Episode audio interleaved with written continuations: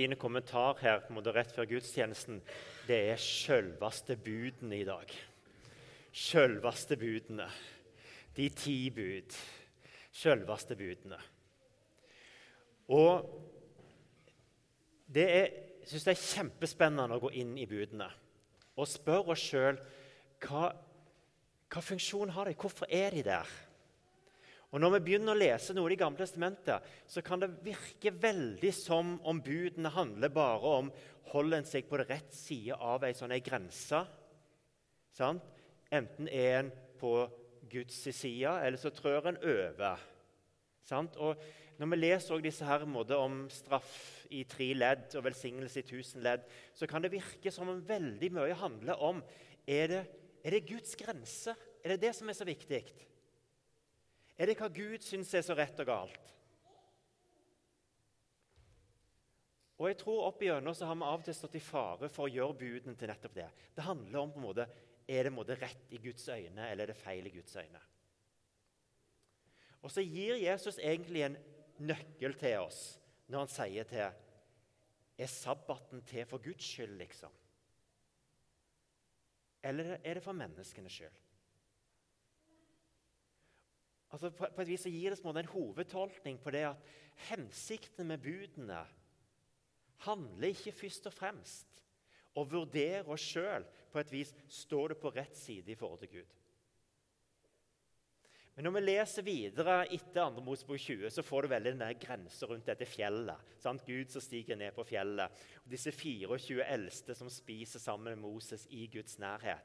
Så er det måte, de som krysser den grensa, de skal dø så tydelig. Sant? Og Det ser vi litt i syndefallsberetningen òg. De som krysser den grensa, de skal dø. De, der kommer straffen. Det er så lett å gå inn i det. Men hvis det ikke er hovedhensikten, hva er hovedhensikten da? Det har ofte vært pekt på tre hovedhensikter med budene. Og Den første den ligger i det at Gud er ikke bare som en gud som skal dyrkes i det menneskelige. Men Gud er opptatt av samfunnet, av familien, av verden vi lever i. Og Det ser vi litt i den greske tradisjonen, med en veldig sånn dualisme mellom det åndelige og det menneskelige. Hvor det var, Du kunne gjøre liksom bare du hadde rett forhold til gudene, så kunne du gjøre hva du ville i det menneskelige. Et, drikk og vær glad. Sant? Ikke bry deg om det menneskelige. Det betyr ingenting. For kroppen og det menneskelige og samfunnet alt det der, det er jo bare det som hører denne verden til. Men vi skal søke det som er der oppe. Og så tegner mye av Det gamle testamentet et bilde av at det åndelige og det menneskelige henger sammen. Og budene handler jo om at vi som Guds folk skal bygge gode samfunn, gode familier. Og det er det budene peker på. Og Det er litt spennende at det ligger både en sosial profil i forhold til slave, og de òg skal ha sabbat.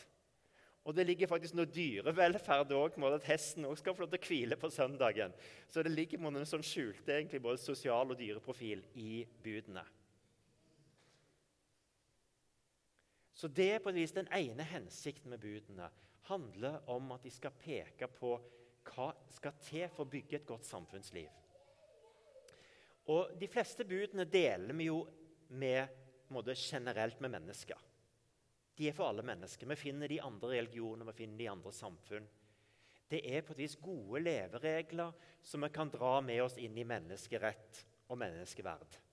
På hva skal til for å bygge et godt samfunn og en god verden å leve i. Og Så settes hele dette her inn på et vis at det ansvaret med å forvalte og bygge verden og utøve yrket vårt på en god måte, handler om å forvalte de gavene som Gud har gitt oss i hverdagen. Den andre hensikten eh, som en ofte har pekt på med budene, handler om at budene skal være med og på et vis avsløre oss som syndere. De skal være med å drive oss til Jesus. Behovet for tilgivelse, behovet for nåde. Og, og det, I i det så Hvis vi tenker liksom fra budene, så kan vi dra videre til bergpreken og forsterking av buden. Dere har hørt det sagt, men jeg sier dere. Og Bergpreken går jo enda lenger enn budene i forhold til å eh, på et vis si noe om hvor vi kommer til kort. Og det har vært en veldig sterk tradisjon i vår kristendomsform de siste 50-60 årene. Der synsbekjennelsen og synserkjennelsen har vært en veldig sentral del av vårt åndelige liv. Når vi leser Det gamle testamentet, så kan vi få en litt sånn forenkla tenkemåte at det var måte, loven og reglene og det var det som regulerte gudsrelasjonen. For det er jo noe av det vi vil fram til. Hva er det på en måte, i gudsrelasjonen i dette? At det var budene som måtte styrte det. Det var loven, og så er vi kommet måte, til et nytt liv i Jesus og nåden. Og så er det det. Men når vi leser de ti bud, så begynner jo det med 'Jeg er Herren din Gud', som førte deg ut av Egypt. Det er en Gud som allerede har en relasjon til sitt folk. Som ligger der på forhånd. Det er ikke sånn at på et vis budene blir liksom inngangsporten til den rette relasjonen. Men samtidig så har de hele dette offervesenet i Det gamle testamentet, som var en vei til Det fins et sted å be om tilgivelse.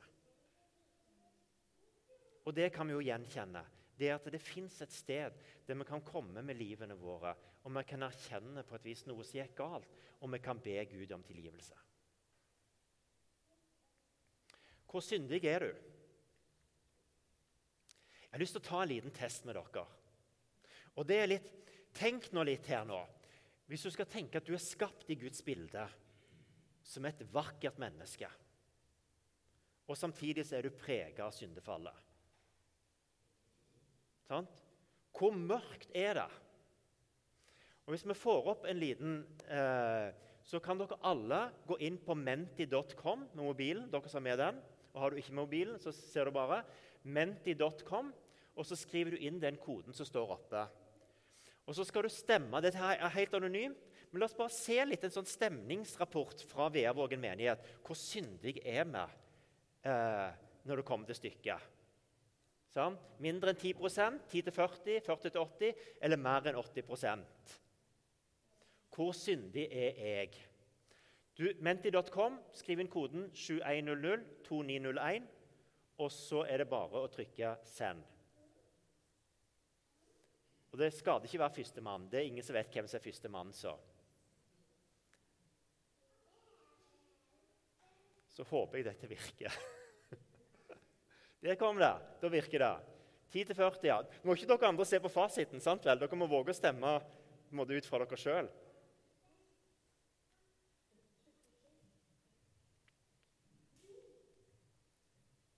Ja, det er 10-40 som leder fortsatt. For Nå får vi jo svaret her nå. sant vel? Det er jo det som er greia. at uh, Dette er en demokratisk prosess. og det, Bibelen sier at det som er demokratisk, det er sant. Er det ikke så? Ja.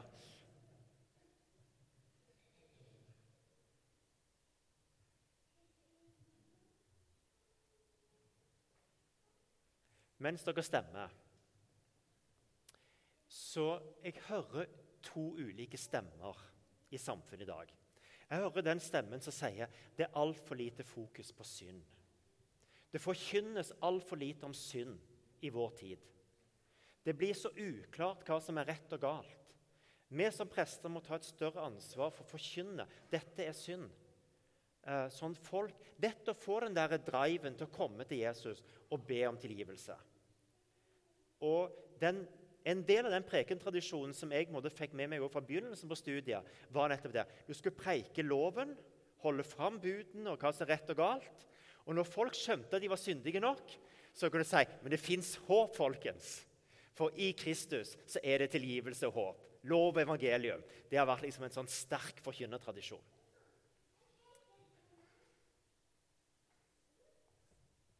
Ja, ok, vi, vi leder 40-80, så leder nå, altså. Ok.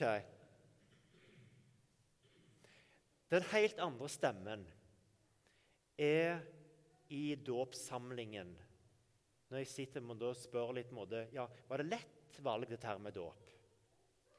Og så har jeg av og til hørt stemmer de siste årene der noen har sagt nei, vet du hva, for oss var det ikke så lett å velge dåp. For vi syns det kristne menneskesynet er så negativt. Når dere står der med min baby og sier 'født med menneskeslektens synd og skyld' Og, og dere sier ja, denne babyen er jo på en måte 80% syndige. Eller mer enn 80% syndige. Så vet jeg ikke om jeg ønsker å gå inn i dåpstradisjonen. Hva tror dere en gjennomsnittlig 16-åring hadde svart på dette spørsmålet?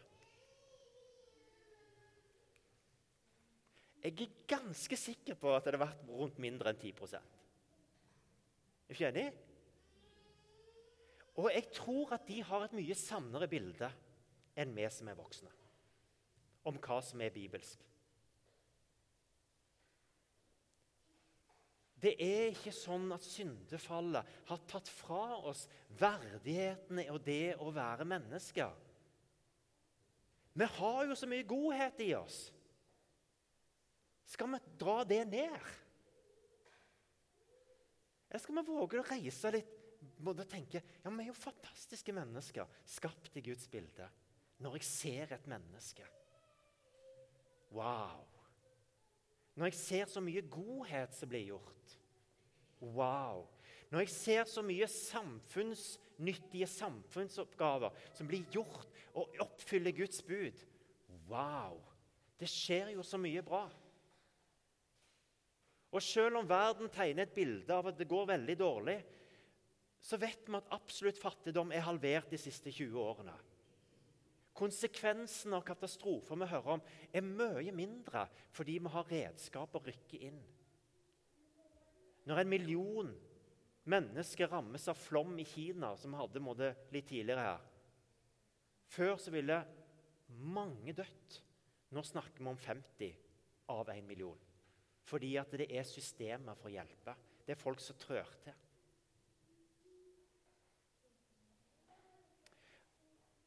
Det som Bibelen sier noe veldig tydelig om,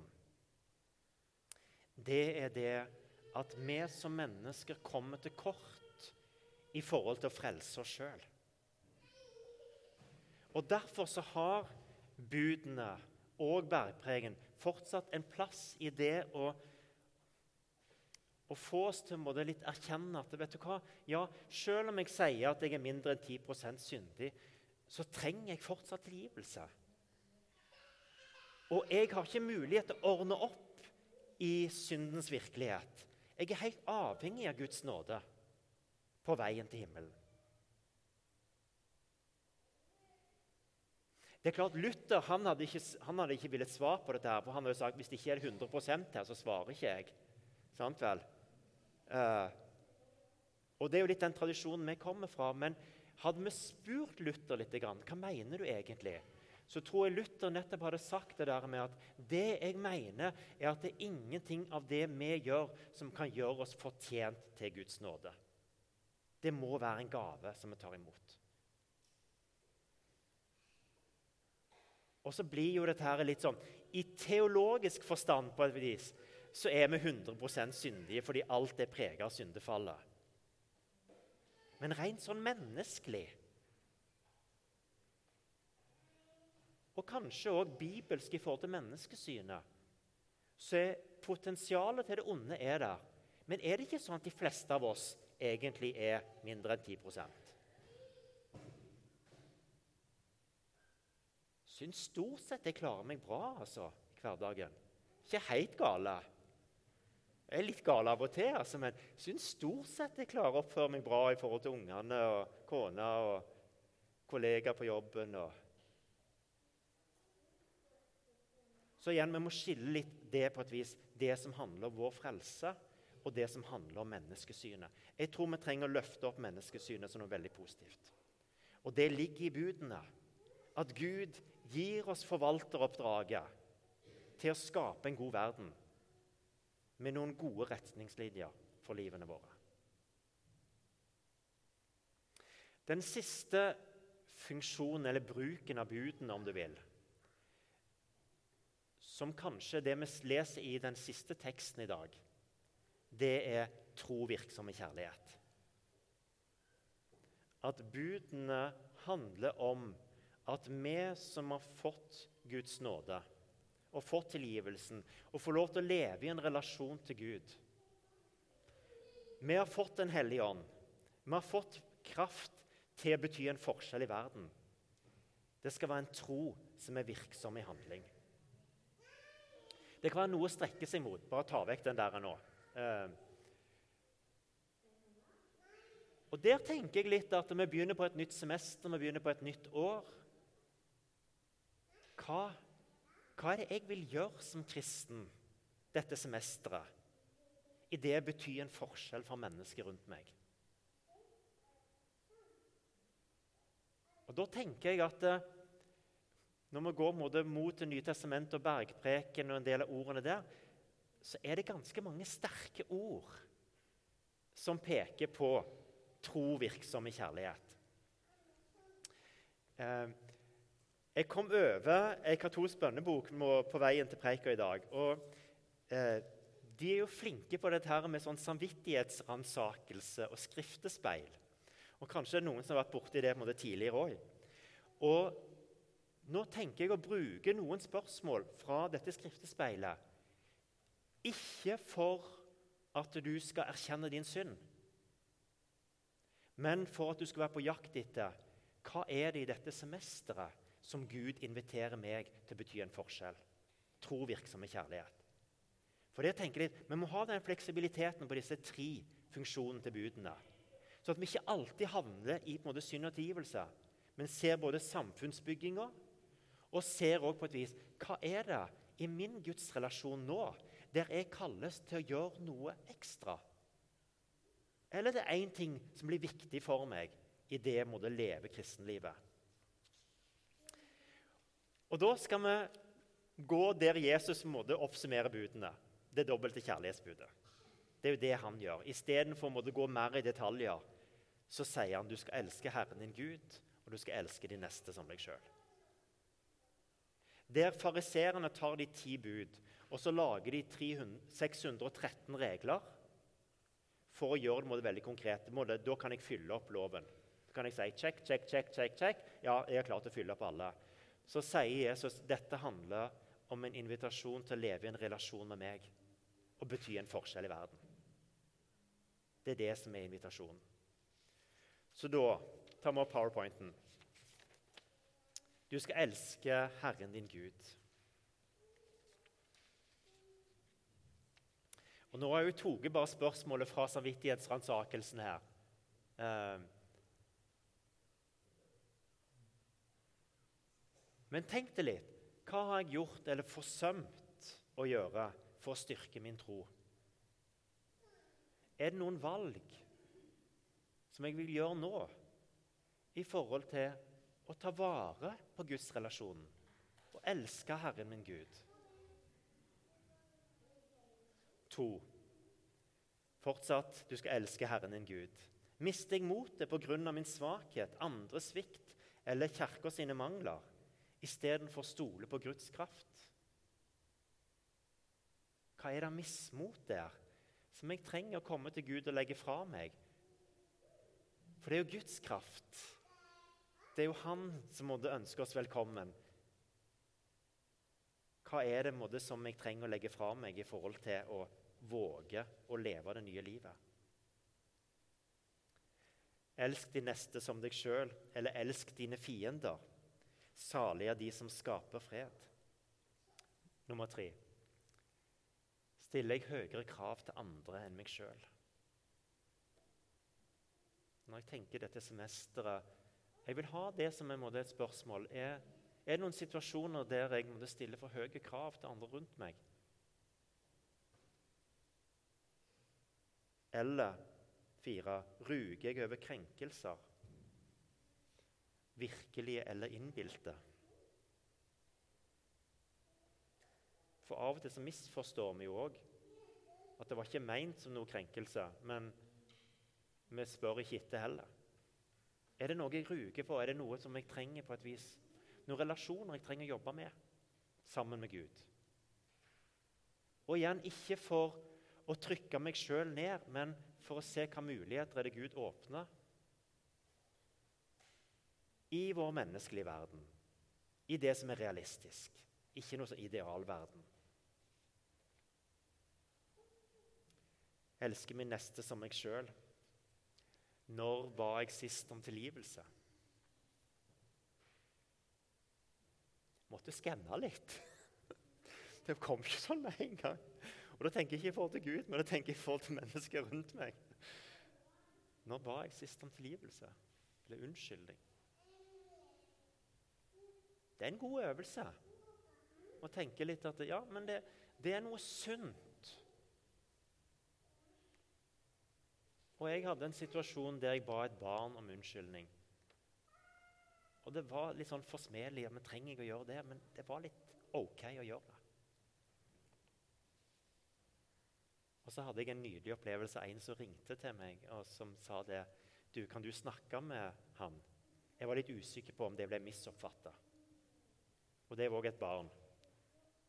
En tiåring. Jeg gikk og snakket med tiåring. Du, var det greit det der i går? Ja, det var greit, det. Så meldte jeg det tilbake igjen. Litt nydelig. Det skjer noe med oss i de relasjonene. Dere er jordens salt. Kommer troa mi til uttrykk i hverdagsliv i samfunnet?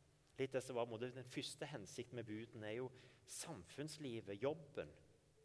Der vi lever hverdagen vår. Kommer min tro til uttrykk der? Og Videre så spør de i samme gata begrenser troa seg til uforpliktende ord uten handling. Er det sånn at det blir både fine ord og fine bekjennelser, men det er ikke noe handling i det? Og litt sånn stort spørsmål til slutt, som måte, står her måte, i det ene skriftspeilet. Eh, hva har jeg gjort for å utbre Guds rike? Og så bruker en litt uttrykk som sannhet, noe som er livgivende, hellighet, nåde, rettferdighet, kjærlighet, fred. Litt sånne store ord. Men samtidig litt spennende òg i forhold til hva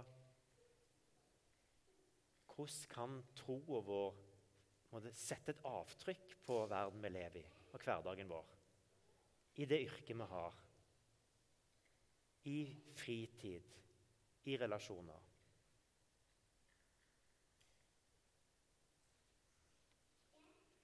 Duvold skal synge en sang for oss eh, som er Du er et vanlig menneske.